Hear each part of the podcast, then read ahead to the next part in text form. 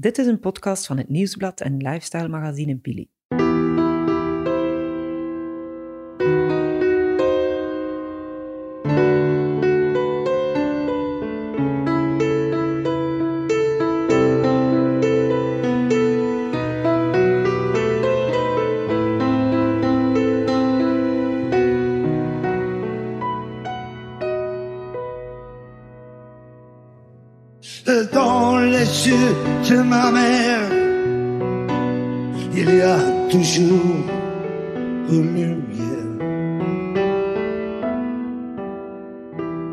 Ben Evie Hansen en in deze podcast ga ik in gesprek met mijn mama Arlette. Waar ga ik nu vechten eh, tegen kanker als ik er toch van moet sterven? Mama is 75 en heeft niet lang meer te leven. Goedemorgen, ik ben Annelies van het Nieuwsblad. Aangenaam. Wat een mooie zicht hebben Wauw. Ja, dat is nog wel lief. Samen met journaliste Annelies Rutte praten we aan de keukentafel over ziek zijn, doodgaan, maar vooral over het leven. Dat zal even zijn. Hallo Evietje, kom binnen. Hallo. Hallo. Gezellig hier. Dit is aflevering 1 van de afscheidstournee van mijn moeder. Goedemorgen Arlette. Mag ik Arlette zeggen? Ja, tuurlijk. Goedemorgen Evie. Goedemorgen. Bedankt om ons eh, aan jouw keukentafel te ontvangen. Hè. Hoe gaat het? Goed. Ja?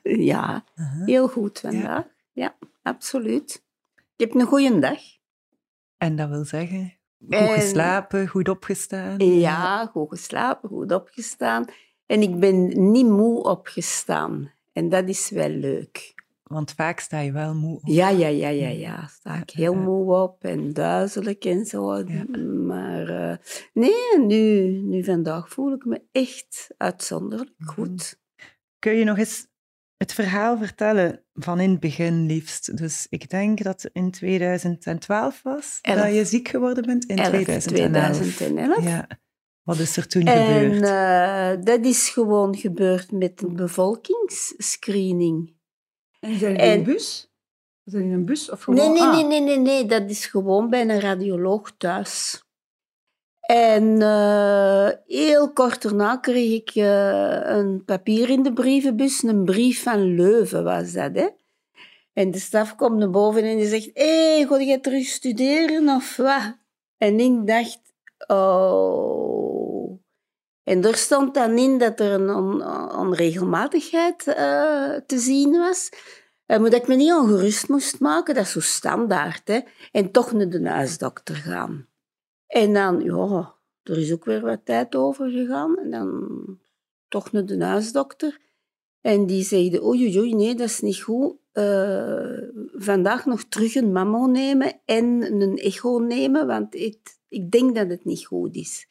En dan terug een mammo laten nemen en terug een echo. En die man die de echo nam, die heeft gezegd, dat is hier niet goed, het is kwaadaardig. Wij als kinderen wisten daar niks van af. Dus ze heeft pas gezegd dat ze kanker had toen ze het echt wist. Ja, ja, ja, ja. ja. Dat is zoiets typisch, hoor ik wel vaker, dat eh, ouders dat pas zeggen als je het echt zeker weet. ja. En dat was ook wel wat. Ze zei, ja, wij komen langs. Eh, pasta dag vanmiddag of zo. En wij, ik zo, ja, ja, ja. Was toen nog met eh, de papa van mijn kinderen. Ik was er toen nog mee samen. En ze komt binnen en ze heeft twee flessen champagne bij. En ze zegt, ik heb goed nieuws en ik heb slecht nieuws. Wat wilde als eerste horen? En ik zei, je hebt kanker. Terwijl dat was helemaal, dat kwam niet ter sprake. Maar ik dacht, als mama slecht nieuws heeft, die is zo positief, dan is dat echt slecht nieuws. En dan zei ze, ja. Dat was natuurlijk heel heftig en emotioneel, borstkanker. En dan werd die eerste fles champagne opengedaan. En Oh, maar ik ben nogal zat geweest die dagen. en toen vroegen we op het einde van, maar was dan het goede nieuws? Ah, we hebben een nieuwe auto. ik vind dat wel, ik heb er wel iets uit geleerd. Allee, zo, ik vind dat wel mooi als je slecht nieuws en zo goed nieuws. Zo. Allee, ja, zelfs het slechtste nieuws, dan konden we daar ook mee lachen dat er dan toch ook nog Ja, nieuws ja, was. ja. L'amour, je trouve ça toujours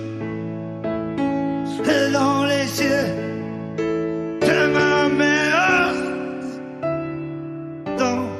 précieux de ma mère. Il y a toujours eu le mien.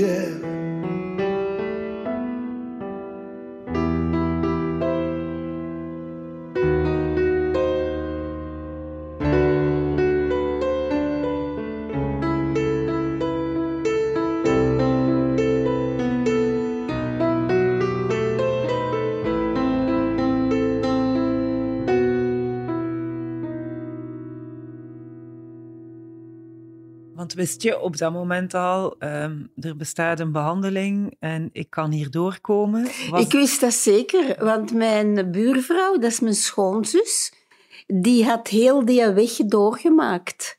Dus ik heb dat allemaal mee beleefd als buurvrouw en als eh, schoonzus. En daarom heb ik in het begin gewoon geweigerd van dat, dat, dat traject te volgen. Ik heb in het begin gezegd, ik doe er niet om mee. Hoe ik Veronique gezien had, die, Veronique is haar schoonzus. Hè, en die woonde naast ons en die kreeg chemo en die was moe en misselijk en ziek en al wat je maar wilt. En ik dacht, nee, daar begin ik niet aan. Hè. Waarom niet? Om dat niet te Om moeten dat niet te meemaken. moeten meemaken. En Gewoon. de genezingsdrang was niet groter dan Nee. dat gevoel. Ja. Maar je hebt het toch gedaan. Ik heb er niet bij stilgestaan. Het is met een huisdokter, eh met een vroeger huisdokter, die stilletjes aan op een heel rustige manier. Oké, zegt hem, eh, nee, dat moeten we niet doen, maar we gaan toch wel eerst eh, nog een onderzoek doen. En we gaan toch nog eerst nog een onderzoek doen. En die heeft mij er zo stilletjes in gepusht. En die zegt, ja, ik heb ook nog een eh, vrouw die, die veel erger aan toe is. We, we gaan zien, dat, dat komt wel goed. En dan stapte in een trein.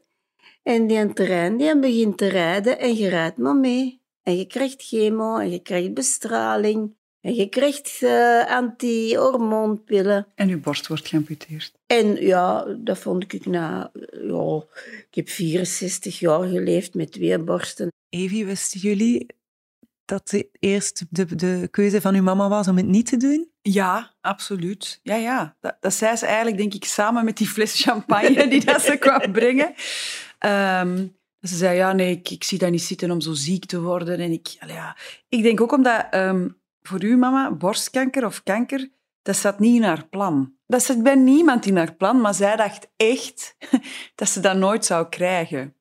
Dus eh, ze wou dat dan, denk ik, ook gewoon vermijden door dan niet deel te nemen aan dat traject. Want eigenlijk is kanker pas afzien vanaf dat je begint, vanaf dat Ja. je dat probeert te genezen. Ehm, en ze zag je niet zitten. En ik denk dat wij toen ook als kinderen al zoiets hadden van, ja, dat moet zij zelf beslissen. Want ja, als mama is een sterke vrouw, je kunt daar toch niet tegenin gaan. En ehm, dat is misschien een beetje zoals met een puber. je moet dat, ze- dat zelfbesef zo wat laten komen in plaats van daar... Zij, als je zegt, je moet dat doen, dan zou ze misschien nog koppiger zijn. Ja, dat kan goed zijn. En ik denk dat een huisarts dat ook wel heeft aangepakt, Ja. goed aangepakt. En die heeft ook op een gegeven moment Ja. gezegd Die, van als jij niet start met dat traject, dan ga ik niet uw huisdokter nog zijn. Ik bedoel, dan pak ik die verantwoordelijkheid niet. Net omdat hij zo geloofde van, dit, dit komt echt goed. Dus hij zegt, als je dat niet doet, maar dan moet je niet meer op... Allee, dat- en dat heeft daar ook wel geraakt. Dat ze dacht van, oh, blijkbaar is er toch eh, kans op genezing. En ze was toen ook veel jonger, hè? Allee, Ja. 63, 64. 64. Maar, maar wanneer word je dan oud? Nu? Ja, nu. En u mocht ook nog niet sterven, blijkbaar. Maar als je dan nu terugblikt, ben je dan niet blij dat je het... Ik als buitenstaander zou dan denken, nu ben je wel blij dat Ja. je die jaren, ehm, mooie jaren gehad Ja, hebt. natuurlijk. En ik ben ook blij eh, dat ik die ervaringen heb gehad. Nu weet ik echt wat dat is, die, die chemo, zware chemo, die bestraling. Dat is eigenlijk ook heel erg, want uw vel verbrandt. Ik heb er ook een bestralingsslong aan overgehouden. Ehm, maar achteraf gezien is het dankbaarheid dat ik er toch doorgeraakt ben. En ik heb ook die ervaring gehad. Dus ik kan erover meespreken als iemand in die situatie is. Maar je zegt niet, ik had het toen niet moeten doen. Want het is wel heel zwaar geweest. Het is heel, heel Ja. zwaar geweest. Ja. absoluut. Dat kun je niet ontkennen. Maar de, de blijdschap van ik, om, ik heb het wel gedaan, Ja, overheerst. achteraf gezien. Voilà. Ja. Ja, want het zijn echt nog negen super toffe jaren. Oh, en wat hebben wij allemaal nog gedaan hebben. Ik heb toch terug eh, heel veel gebabysit met Mac en Scout. Twee Ja. keer in een week naar Erpen rijden. Ik heb nog... getrouwd. Ja, ik heb nog zoveel gedaan. Nog veel kleinkinderen die dat zijn geboren. Ja, en, en, en heel Onverwacht. veel gebabysit. En eh, nee, natuurlijk dat ik zo content ben met die tien jaar die gepasseerd zijn. Tuurlijk wel. En ook een fierheid, hè. Geeft dat van, hè, wat ik allemaal gedaan heb tijdens die tijd. En dat is waar, hè. Wel een ellendige ervaring, hè. Dat is niet leuk, hè, dat jaar, hè. Het was zo erg als dat je gedacht had op voorhand. Ja. ja, ja, dat traject is heel zwaar.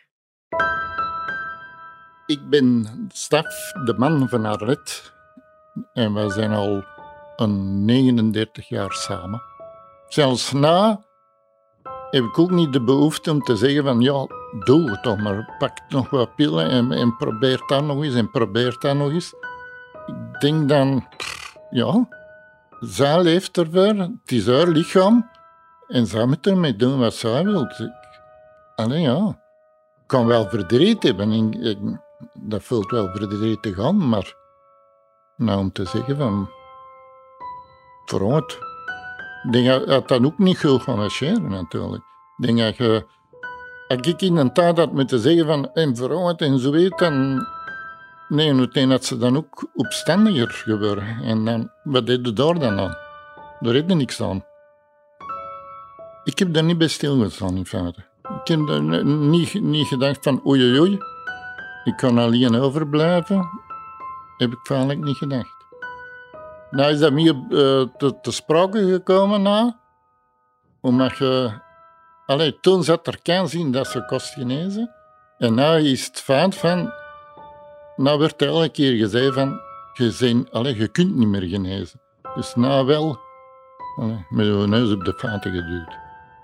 Ik heb soms wel dagen dat ik het helemaal niet meer zien zitten. Zodat ik zeg van, pff, moet allemaal niet meer. Dat ik even eh, ook van de wereld zijn. Maar nou, En dan, tien jaar later, of elf jaar later, Ja, tien jaar dan eh, later. ben ik hervallen, hè. Ja. Hoe heb je het geweten? Was dat een, bij een controle? Eh, nee, nee, ja, bij een bloedonderzoek. Het was dan ook corona geweest, dus ik had een jaar overgeslagen.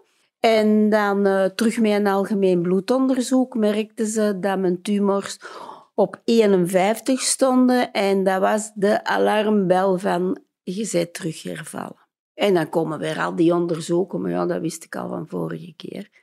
En dan eh, heeft mijn gynaecologe, die heeft toen gezegd van, eh, getelefoneerd en er was heel ambetant voor, eh, je bent ongeneeslijk ziek. Hoe was dat voor jou? Ja, dat gebeurt, hè. Dat zijn dingen die gebeuren. Ik heb, ik heb er zelfs geen verdriet over gehad. Nee. Maar nu is er geen genezing meer mogelijk. Hè? Dat is een heel ander gegeven. Hè? Dus nu is mijn doelstelling van ehm, nog gelukkig te zijn en nog zoveel mogelijk te kunnen meepakken en te genieten van, van de geluksmomentjes, eh, hoe klein ook, die, die zich nog aanbieden. Hè? En een gevoel van, ik heb mij hier doorgeslaan en verdorie, ik moet dit nu opnieuw krijgen. Ja, dat nee, heb jij dat niet. kan niet. Nee. Nee, nee, nee, dat heb ik niet gehad. Nee. Trouwens, nu ben ik 75, dus mag niet klagen, hè? Hoe heb je het nu verteld tegen de kinderen? Eh, via een telefoon. Ja, maar dat was ook... Het was nog... eh, dat was in ma- maart, april 2021. Dus dat Ja. was nog altijd zo, als je elkaar zag, dat was nog altijd een onderneming. Ja. Allee, ja, je zag nog altijd niet mensen snel of zo. Ja, je belde wel en dan... Ik stond op de hondenwei, want ik had toen een nieuwe hond. Allee, mijn eerste, een puppy. Zaza. En het was aan het regenen en eh ons mama had al een paar keer gebeld, dus ik neem ze op op die hondenwei. Maar ik was, mijn aandacht was er niet helemaal bij. Ze zei, ja, waar zijn ze nu? Ik zeg, ja, Doolden wij. Ja, want ik moet u iets vertellen. Ik zeg ja. Ja, en dan weet je het eigenlijk al. Ze zegt ja, ehm, ik heb de resultaten van mijn bloedonderzoek teruggekregen en eh, ik ben ongeneeslijk ziek, ik ben hervallen en het zit in mijn botten overal. Ja, en het zit lijf. in mijn lever en ik ga er niet meer van genezen. Oef, dus ja, dan stellen de... eh, eh, ja, eh. Maar ik hoor dat Zaza aan het blaffen is. Ga er maar terug mee spelen. We bellen straks wel. Oké, ja, want ja, we moeten doen. Het regent. Dus dat was echt zo... ja, ja, dat, ik stond wel te huilen. Dat was heel, een heel raar idee. En, dat, dat zoiets dat in een film overkomt of zo. En ehm, dan wilde toch zo weten, ja, maar hoe lang heb je en hoe erg is het? Ja, Maar dat en- konden ze niet zeggen, hè. maanden tot jaren. Ja, ik vond dat heel moeilijk. En ik vond dat ook moeilijk omdat je niet weet wanneer dat je mocht rouwen. Nu weet ik, je mocht dat van het begin, maar toen, dat is zo een boodschap dat je binnenkrijgt.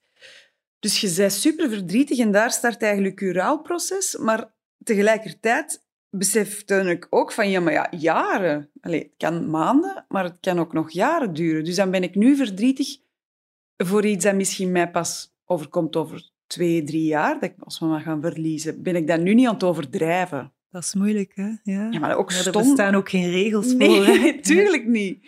Ehm, en ook, dat is ook spannend. Ik denk dat dat ook is, omdat je echt zo een, een heel onzeker traject aflegt. En daar zitten nu nog altijd in. En dat vind ik nu ook nog altijd heel raar. Omdat je nu pas beginnen we echt zo de pieken en de dalen. En dat je denkt van, oké, ze, ze gaat wel achteruit. En ze wordt niet beter. Dat beginnen nu Dat pas te zo. beseffen. En jij ook, hè. Als Ah, ze ja. nu bellen, dan zeg ik... Ja, mannetjes, vooruit ga ik niet meer, hè. Om het woord achteruit dan toch maar niet te zeggen.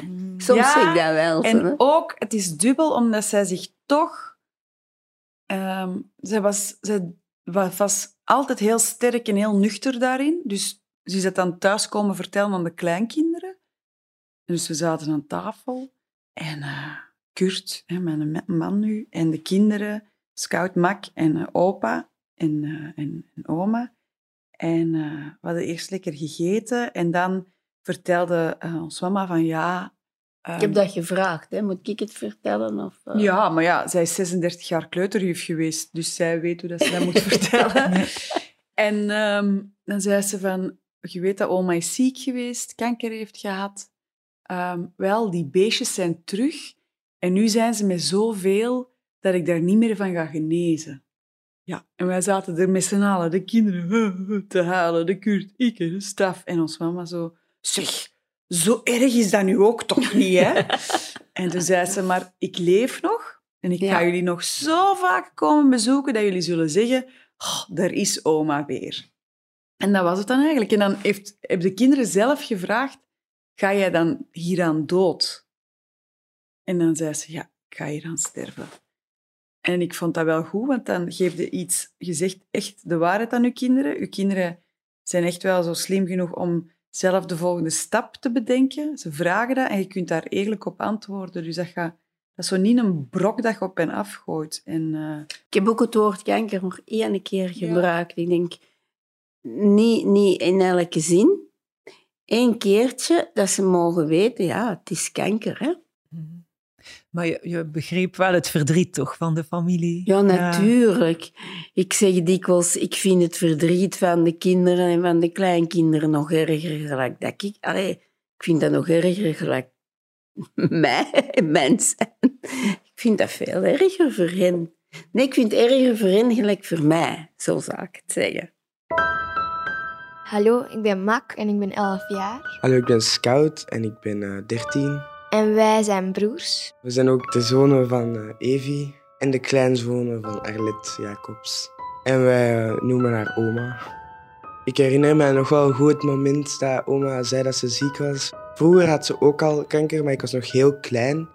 En eh, daar herinner ik mij niet zoveel meer van. Maar ik denk een jaar geleden in mei had ze ook gezegd... Ze was hervallen en dan zaten we allemaal aan tafel. Ja, ze zei dat ze hervallen was van kanker en iedereen was aan het wenen. Behalve, Behalve zij. Zij was gewoon... Ja, maar dat komt wel goed. En zij was daar eigenlijk tijd niet zo erg, terwijl iedereen daar echt zo keihard was aan het huilen en zo. Maar ja, ondertussen, ze probeert gewoon een normaal leven te leiden en ja. Je merkt wel een beetje dat ze het moeilijk heeft. Je begint het wel steeds meer te merken dat ze, dat ze wel pijn heeft en dat ze sneller moe wordt. Maar vooral opa, omdat wij zien haar wel als ze, ja, vro ja, als ze vrolijk is, maar opa die moet echt voor haar zorgen en dat is wel wat anders. Ik weet nog wel, ehm, ze zei dat, ze, dat het nog even ging duren voordat ze dood ging gaan. En eh, dat was wel nog een beetje geruststelling dat ik zo nog even wel met haar had. En we zijn nu al meer dan een jaar verder, dus het is nu nog oké aan het gaan.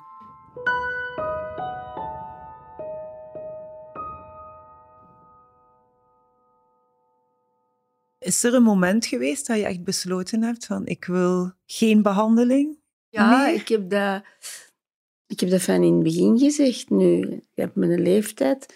Waar ga ik nu vechten eh, tegen kanker als ik er toch van moet sterven? En ik ben niet bang om te sterven. Dat, dat zegt mij niet veel, sterven. Ja. Dat zal komen en, en dat zal wel rustig gaan. En, eh, Voor jou is het niet meer waard om. Nee, nee, nee, zeker niet meer waard om me niet goed te voelen. Heb je enig idee van wat dat er u te wachten staat als je niks meer doet? Ja, Eigenlijk hetzelfde, maar dan sneller. ja. Ja, ik zal wel in een, in een ziekenbed eindigen, hè. Ik heb dat gevraagd en dan zei zij van, daar word jij bij, ja, hè. is echt... Wat ja. minder eten, wat meer in de zetel, wat meer in bed. Eh, Dat gaat toch wel een, meer pijn. Dat begint nu ook. Mijn botten beginnen pijn te doen. Ehm, ja, dat weet ik. Maar, dus het is hetzelfde eigenlijk, maar iets sneller. Want Ja. ja, Ik kon natuurlijk, ook al ehm, zo. Dat was de moeilijke. Kon natuurlijk aftakelen, ja. We zullen, maar, maar dan, we ja, dat zullen we wel zien, hè. Wanneer dat, dat gaat gebeuren. Maakt het u bang? Nee, Ook niet dat je niet weet wat er juist gaat gebeuren? nee. Of op welke manier dat zal verlopen? Ja, maar ik heb, ik heb eh, wilsbeschikking. dus, ehm, en ik heb ook een brief geschreven. In het begin zei ik, ik ben natuurlijk geboren, ik wil natuurlijk sterven. Maar als ze dan beginnen over die pijn en die aftakeling en bla bla bla, heb ik toch, eh, alles is in orde, heb ik toch een brief voor euthanasie. Daar was ik wel van geschrokken toen we in het ziekenhuis waren. Dat was het eerste dat ik... De eerste keer dat ik hoorde dat jij zei van oh, maar ik wil geen euthanasie. Ik dacht, hoe? Van alle mensen op de wereld had ik verwacht dat jij zou zeggen, ja, ik wil wel euthanasie. Maar je zei, ja, ik wil natuurlijk sterven. Ja, Maar ik dacht, ik denk dat ze het natuurlijk sterven iets te optimistisch ziet. ja dat denk ik ook. Want, ja, als het ziekteverloop zo is dat jij hè, meer en meer bedlederig gaat worden, minder eten, meer pijn, dan ga je mentaal ook wegvallen. Ja, ja, als er ja, dan een moment komt dat jij daar ligt in dat bed, met je ogen aan het draaien en hier zo wat zever. Allee, en dat wij als kinderen en omstanders weten, dit was niet wat jij wou. En je hebt geen eh euthanasiepapieren ondertekend, dan kunnen wij niks doen. Nee. Maar En ik- alles is in orde. Dus ik denk dat dat wel goed was, dat die oncoloog wel even dat beeld heeft geschetst van, Ja. zo gaat jij wel eindigen. Ja, Mijn mama had zo nog een, zo'n beeld dat zij zo... een- eigenlijk dat zij zich goed zou voelen en dan zo drie weken slecht en dan dood, denk ik. Ja. En zij had ook gezegd, ik wil niet dat mijn kinderen erbij zijn als ik ziek ben, ah, mijn laatste dagen. Ik dacht, eh, dat zullen wij zelf wel beslissen. Maar omdat jij dat beeld van niet ziek zijn... Ik heb zo'n beetje een romantisch beeld van te sterven. Nou, je kunt maar beter manifesteren. Hè? You never know. En heb je nu wel aanvaard dat ze, dat ze jou gaan zien eh, als je slechter zult Ja, zijn? weet je, dan moeten ze dan toch maar zelf Ja, Maar je beslissen. niet hè. verbieden dat ze jou bezoeken op Nee. het moment dat je er niet goed aan Dat ik begraven word zonder dat ze het weten. Dat zou zij nog durven. Ja, want nu ook weer, dan denk ik van, ja, ja, tuurlijk, straks gaan de mensen hier naar huis of de mensen horen dit, ze zien u en zeggen, oh, maar die gaat nog lang leven, want die ziet er nog goed uit. En hoe dat die praat, er is niks aan de hand. En dan denk ik, ja, maar jullie zien haar niet als ze daar in de zetel ligt. Ehm, als, ze, als een echt een, klein vogeltje daar dan zo ligt en zegt, ik kan niks niet meer. En oh, ik kan niet meer wandelen. En ja, dat is denk ik dan uw laatste les of zo dat je nog moet leren. Dat- toch je dat is- durven Ja, opstellen. dat, ik denk dat ik me nog altijd iedereen aan het bedriegen ben. Met mijn, met mijn spreken, met mijn uiterlijk. Dat is echt bedriegerij, hè? Waarom doe je dat? Oh, Omdat ik zo trots ben, hè? Kost het moeite om dat te doen? Nee, nee, nee, nee, nee, nee, nee. Dat is een... Nee, het is wel, het is, ja, het is, het is wel in, op deze momenten is het ook gemeend. Want als ze ziek is, dan kan ze niks. Dat is ook zo. Dus het is meer dat ze de momenten dat ze zich een beetje goed voelt, dan haalt hij er alles uit. Ja. En de pieken zijn veel zeldzamer, zoals nu, dan de dalen. Waar of niet? Ik, ik zie een de staf en die zegt ja, ja, ja, ja, ja. Dus Allee, dus soms, allee, soms altijd rijden beter voor en ze maakt er eigen op voor er echt goed uit te zien. Maar in feite is ze ziek en ze is heel veel af. En ze bedriegt in feite de mensen die aan haar dan zien in feite. Ze ge- gedragen daar ook beter. Hè, want als ze zo van gesprekken hebt, gelijk nu, aan iedereen dan weg is, dan zakt ze in je stoel en dan is haar kees het vlammetje uit.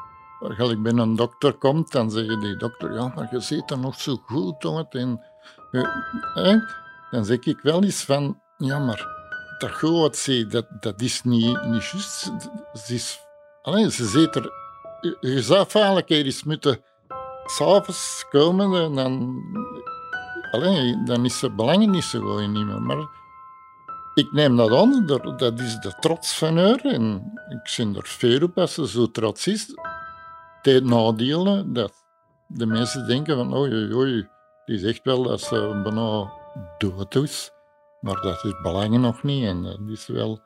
En dat is soms ook moeilijk, want dan zeggen mensen, oh ja, maar je ziet er nog zo goed uit. Je gaat nog niet dood. Maar dat is niet, dat is niet. En dat zijn geen antwoorden die je gegeven krijgt op dat moment. Van, je ziet er goed uit. Dat pikt soms, het zo zeggen. En hoe moeilijk is dat om te zien? Want dan komt het wel, Dat is niet moeilijk, wordt maar dat het is... groter en Ja, dichter. En... Ja, het is meer zo dat, dat, dat lange rouwproces, waar ik allee, mij bewust van was anderhalf jaar geleden, dat dat dan zo... Dat wordt wel heel lang gerokken. En, ehm, en ook dat aanvaarden van, ah ja, het gaat niet beter worden, het gaat niet beter worden. Dit, dit is nu het traject waar dat we in zitten. En ja, ik doe letterlijk met mijn handen een golfbeweging, omdat je weet van, zo gaat dat gaan. Maar nu is er helemaal geen tijdsbesef meer van maanden of jaren, omdat je nu echt wel weet, of ik besef wel dat dat in één keer zo ook een paar stapjes slechter en slechter kan gaan. En dan weer een plateau en dan weer druk. En eh, dus nu is dat helemaal, vind ik, heel moeilijk om in te schatten hoe snel die ziekte of hoe traag die ziekte gaat verlopen. En dat doet er eigenlijk ook niet toe. Hè. Je ziet gewoon, je hoopt gewoon dat die piekmomenten, die goede momenten, dat die, zo lang mogelijk blijven. ja, dat die er nog wel Ja, blijven. ja, En, ja. en daarvan hangt ook alles af. Ik zit echt nu in een piek Ah, en dingen. En ik ben dan gisteren naar Schilde geweest. Want eh, al de Hanses met Gert en, en Els zijn Haar opgetreden. vroegere schoonfamilie. Ja, en ehm, ja, ik kwam er binnen. Ik kreeg alleen een gestoven hoe dat ik eruit zag. Dus dat is altijd leuk. En ik heb ervan genoten. Hè. En dan heb ik... eh, Agnes Verlinde zat naast mij. En heb ik nog gezegd... Je moet ziek zijn vooraleer dat je hier zo onbezorgd van kunt genieten. Ik denk dat ik nu meer als ziek zijnde meer kan genieten van zoiets. Dan zit ik er met heel mijn wezen geniet dan mee. Van mensen, niet professionele oude mensen die in een koor Hey, maar het zingen. was hè. goed, hè? Het was heel goed. Heel goed. Het was echt heel, heel, heel goed. Ma mère, elle m'écoute toujours. Quand je suis dans la merde, elle sait quand je suis con et faible, et quand je suis bourré comme une baleine. C'est elle qui sait que mes pieds puent. C'est elle qui sait comment je suis nu. Mais quand je suis malade, elle.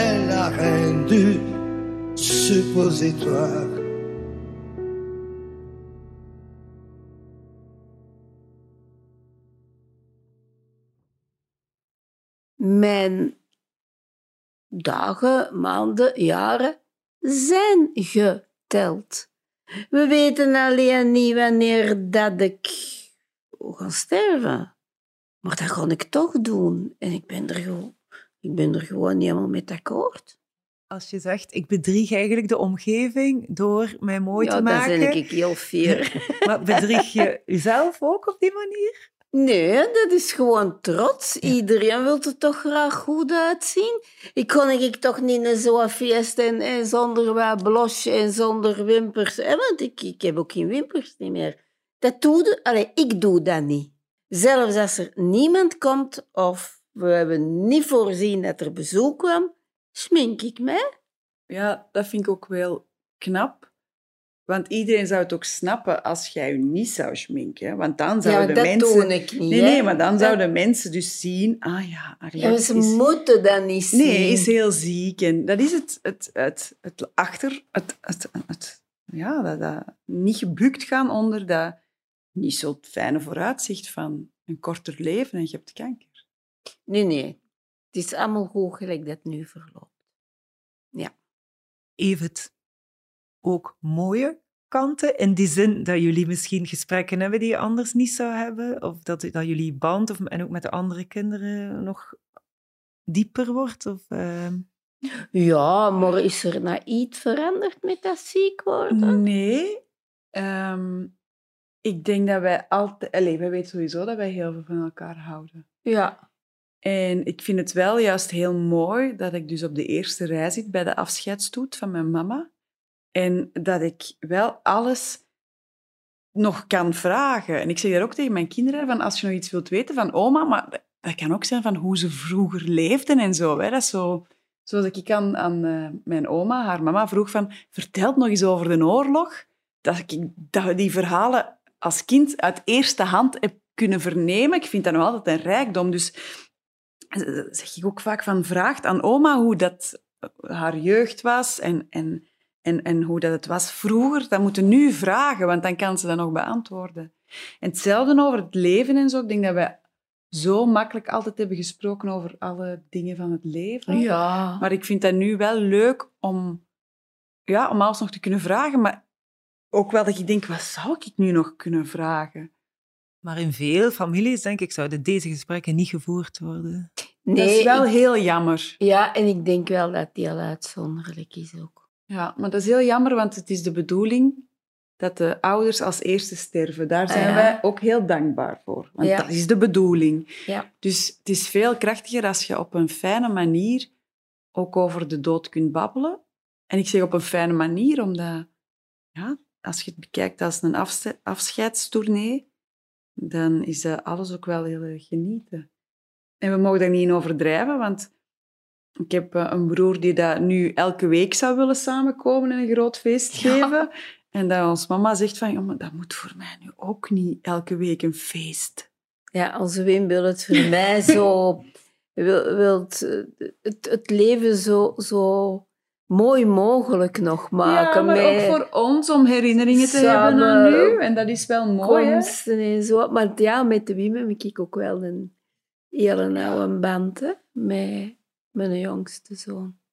Heb je een soort gevoel van dankbaarheid naar je kinderen toe dat ze, en naar uw man toe, dat ze niet aandringen op doe het nu, neem het nu, ehm, dat ze u ook laten daarin zelf kiezen? Ja, die laten mij er de vrije keuze in, absoluut.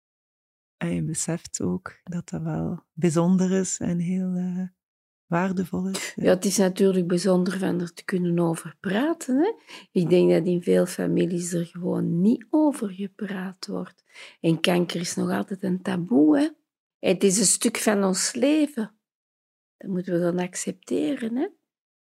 Want ik ben dan in zo'n tettenclubje en we zijn met negen, tien jaar samengekomen om de maand, om de twee maanden, als iemand het moeilijk had. De Tittenclub, dat is eh, het clubje van eh, de vrouwen. Van de eerste kanker, hè? Ja, van, van tien jaar geleden, eh, waar ze samen dus chemo mee Ja, deden. waar dat we onze schedel aanschouwden en zo. Ja, en dus, ze hebben dus die vri- vriendschap is toch die tien jaar gebleven. En dus ze noemen zich de Tettenclub. De tettenclub.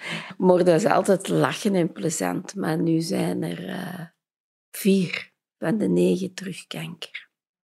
En nu staat dat clubje toch even op zijn kopje. Bij mij, in, nu, op dit moment, zijn er vier mensen in mijn omgeving die kanker hebben, borstkanker. En eh, mijn moeder, een, een schoonzus en dan nog twee mensen, maar bedoel, waarvan ik, waar, waar ik berichten mee stuur, zo collega's, allee, die dat echt nauw zijn. Hè? Vier. En dat is puur dat geteld. Want als ik dan een beetje verder kijk, via via, of ik kijk naar wie het heeft gehad, dan, zijn dat, dan is dat, verdubbelt dat meteen. Maar dat is ook wel... Ja, ik zat in een auto en ik dacht, wie heeft er nu allemaal borstkanker? Ja, in mijn berichten. Vier mensen met wie ik in contact sta op dit moment hebben borstkanker. Dat is gek, hè? Dat is veel, hè? Het is heel veel. We hebben het er al veel over gehad, maar hoe kijk je nu naar de, de maanden die komen? Nu gaan we eventjes in de toekomst kijken. Doe je dat? Eigenlijk niet. Ik... Eigenlijk ligt mijn toekomst vast. Dus ik heb geen verlangen meer om nog eens op vakantie te gaan. Dat is soms een klein beetje. Maar dan zo maar eens voor één nacht of twee nachten maximum. Maar ik heb niks meer dat ik zou willen doen. Ik heb geen bucketlist die ik nu nog zou willen doen. Nee. Ik ben compleet content. Mag ik het samenvatten als zo lang mogelijk goed blijven Ja. en van de kleine dingen Ja. genieten? Ja. Ik trek me nog weinig aan. Ehm, ik maak me over weinig nog zorgen. Ehm, En heb jij raad voor mensen in dezelfde situatie als u? Ik zou aan de mensen gewoon zeggen van... eh probeer erover te babbelen. Probeer u te blijven verzorgen. Probeer nog alles mee te nemen wat je kunt. Eh, dat zou ik aanraden. Blijf goed gezind. Blijf, kleine dingetjes toch wel doen. En dankzij uw ziekte kun je in mijn gevoel meer genieten gelijk zonder die ziekte. En, en laat uw hoofd niet hangen. Allee, ja, probeert gewoon... En probeert geen angst te hebben van de dood, want daar gaat het dan om, hè. En heb je eh, raad om niet bang te zijn van de dood? Ik denk dat je dat hebt of niet hebt. Ik, ik, ik denk... Ik ben nooit bang geweest van de dood. Dans les yeux de ma mère, il y a toujours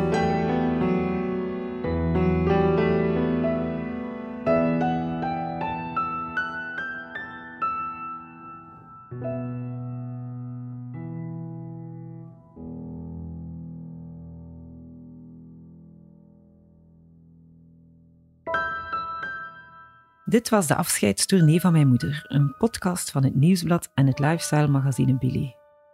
De stemmen die u hoorde waren die van Arlette Jacobs, Evie Hansen en mijzelf, Annelies Rutten. Speciale dank ook aan Staf, Mac, Scout, Wim en Jessie. De muziek is uiteraard van Arno en werd met veel liefde bewerkt door onze monteur Elisabeth Verstraeten van House of Media. De productie was in handen van Kaatje de Koning, Eva Moeraert en Bert Heijvaart.